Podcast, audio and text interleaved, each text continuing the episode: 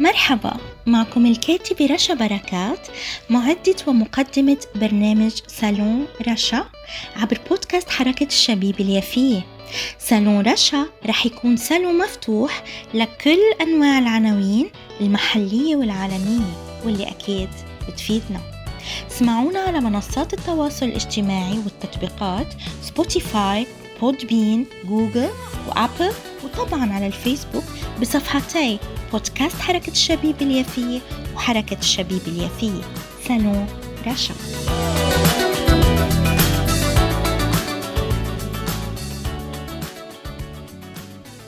أهلا وسهلا بكم أعزائي محبي ومتابعي كل برامج بودكاست حركة الشبيبة اليافية.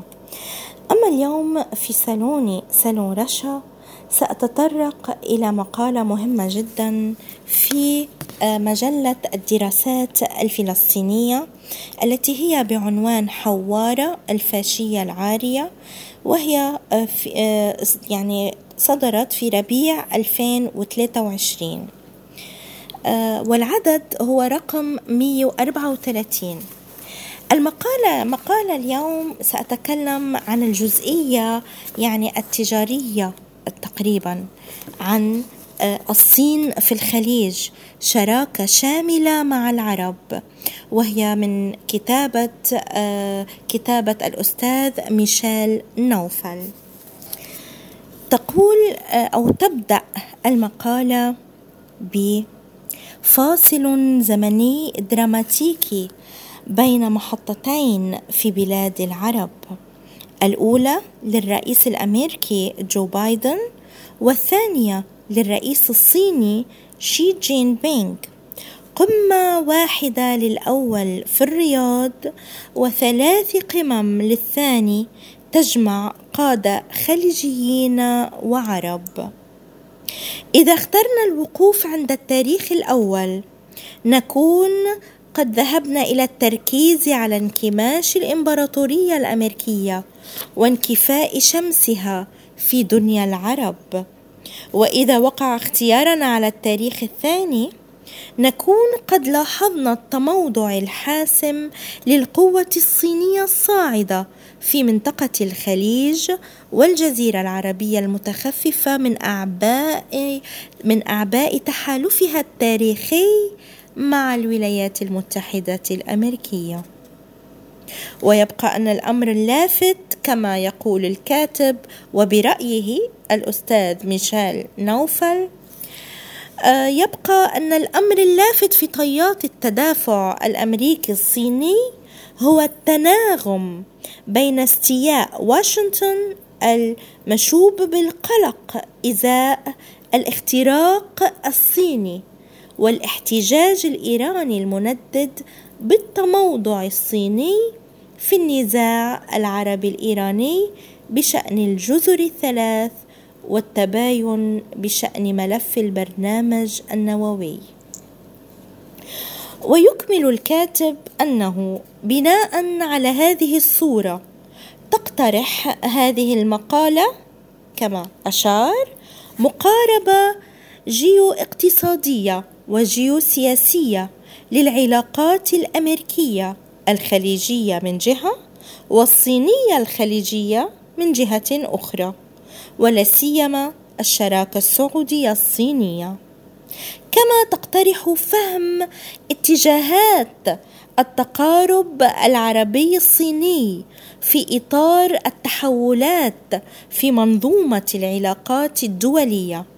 نتيجة المكانه المحوريه للطاقة في الاقتصاد العالمي وتعاظم القوة الجيو استراتيجية الصينية في عالم مضطرب ينزاح فيه مركز القوة من الغرب إلى آسيا على أن نحاول الاقتراب بحذر من نموذج جديد للاستقطاب الثنائي. من خلال التحليل المقارن لموضوعات البيانات المشتركة. إذا يبدأ الكاتب بأولا الطاقة بين أمريكا والصين وثانيا المتغير التفسيري الأمريكي ثالثا رؤى متوازية ومتقاطعة إلى آخره. أما أنا فاخترت الجزئية الأولى في صالوني لليوم وهي عن الطاقة بين أمريكا والصين. ما لفتني في هذه النقطة آه أنه قد أشار إلى أرقام مهمة وأقام دراسة آه، جميلة في هذا المضمار. إذا في الطاقة بين أمريكا والصين يقول تفيد الوقائع الموثقة لمحادثات القمة العربية الصينية في الرياض أن توقيع الرئيس الصيني اتفاقية الشراكة الاستراتيجية الشاملة مع السعودية والتي تتضمن عقودا قيمتها الإجمالية نحو 50 مليار دولار يندرج في سياق جيوسياسي تتسارع فيه تحولات موازين القوى. ويخترق خلاله التأثير الصيني مناطق النفوذ الأمريكي الحصري ومنها العلاقات الاقتصادية والتجارية العربية. فقد تجاوز حجم المبادلات التجارية بين المجموعة العربية وبكين في سنة 2021 ما قيمته 300 مليار دولار بحسب الرئيس الصيني في كلمته في قمة الرياض العربية الصينية. بما في ذلك المشتريات الصينية من النفط والغاز من دول الخليج العربية أي أن هذه المبادلات تضاعفت نحو عشر مرات خلال أقل من عقدين من الزمن. وللمجموعة العربية مكانة بارزة في استراتيجيا الحزام والطريق التي تستثمر الصين فيها أكثر من تريليون دولار في حقل إنشاء الموانئ والطرق السريعة والسكك الحديدية للربط التجاري عبر, العالم. وقد انضمت عشرين دولة عربية إلى مبادرة الحزام والطريق أو طريق الحرير الجديدة وسجل حجم الاستثمارات الصينية فيها أكثر من 200 مليار دولار استحوذت السعودية على 21% منها وحلت بعدها دولة الإمارات العربية مع 16% ثم العراق 14% والجزائر ومصر 12% لكل منه منهما.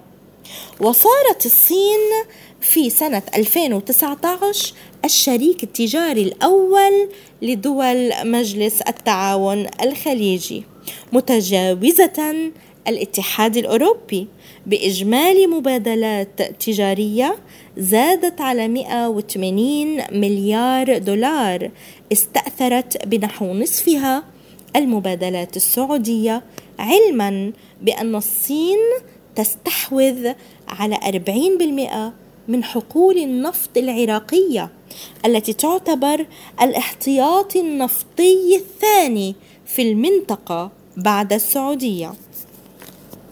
وهنا يكمل الكاتب بمنهجية ويقول طبعا صارت الطاقة تحتل موقعا محوريا في المبادلات العربية الصينية عامة والخليجية الصينية خاصة. وذلك عقب التغير الذي طرأ على أنماط الإنتاج والاستهلاك في أسواق الطاقة العالمية. وتحول الصين إلى أكبر مستورد للطاقة نتيجة نموها الصناعي والاقتصادي الهائل خلال الأعوام التالية لانضمامها إلى منظمة التجارة العالمية في سنة 2001 وفي المقابل شهد العقد الأخير تقلص اعتماد الولايات المتحدة على الطاقة العربية نتيجة تطوير تقنيات النفط والغاز الصخري. الأمر الذي أدى إلى متغيرين على الصعيد الاقتصادي العالمي. الأول تقلص أهمية منطقة الخليج العربية بصفتها مصدرا طاقويا للاقتصاد الأمريكي وإن زادت أهميتها بالنسبة إلى الاقتصاد العالمي. والثاني تحول أسواق الطاقة التابعة لدول الخليج العربية من الغرب إلى الشرق إذ بات الجزء الأكبر من النفط والغاز العربيين يذهب إلى آسيا وخصوصا الصين التي صارت المستورد الأول للطاقة في العالم اعتبارا من سنة 2020 ومنذ سنة 2019 أصبحت السعودية أكبر مصدر للنفط إلى الصين بطاقة إجمالية بلغت نحو مليون فاصل ثمانية يعني 800 ألف برميل يوميا. كما أضحت الصين أحد أكبر مستوردي الغاز المسال القطري.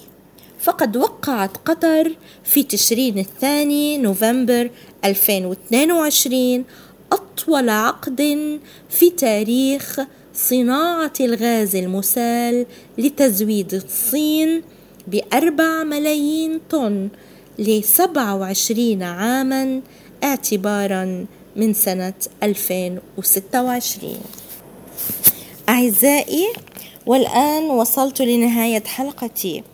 آه التي كانت حول يعني مقالة اقتصادية مهمة لنا. وذلك لأنه آه، آه، الاقتصاد يشكل عاملا مهما في حياتنا ويجب أن نتعود أن نقرأ قراءات اقتصادية سياسية لأنها هي الدفة الحقيقية للمسار السياسي والاجتماعي ولأمورنا وشؤوننا. آه، فالأمور تقاس آه، بالاقتصاد والحروب كلها توسع واقتصاد. عبارة عن آه، يعني خطط اقتصادية ليس إلا. وكل ما يتم اللعب عن طريقه بتفريق وتشتيت الشعوب ما هو سوى تكتيك ولعب على هذه الشعوب التي لا تعي ولا تفقه. حقيقة الأمور وحقيقة الأهداف. طبعا لا أعمم لكن نقول بعض فئات الشعوب لا تعي حقيقة الأمور. آه فإذا كانت المقالة آه من مجلة آه الدراسات الفلسطينية الرائعة العريقة طبعا المهمة جدا لواقعنا الفلسطيني.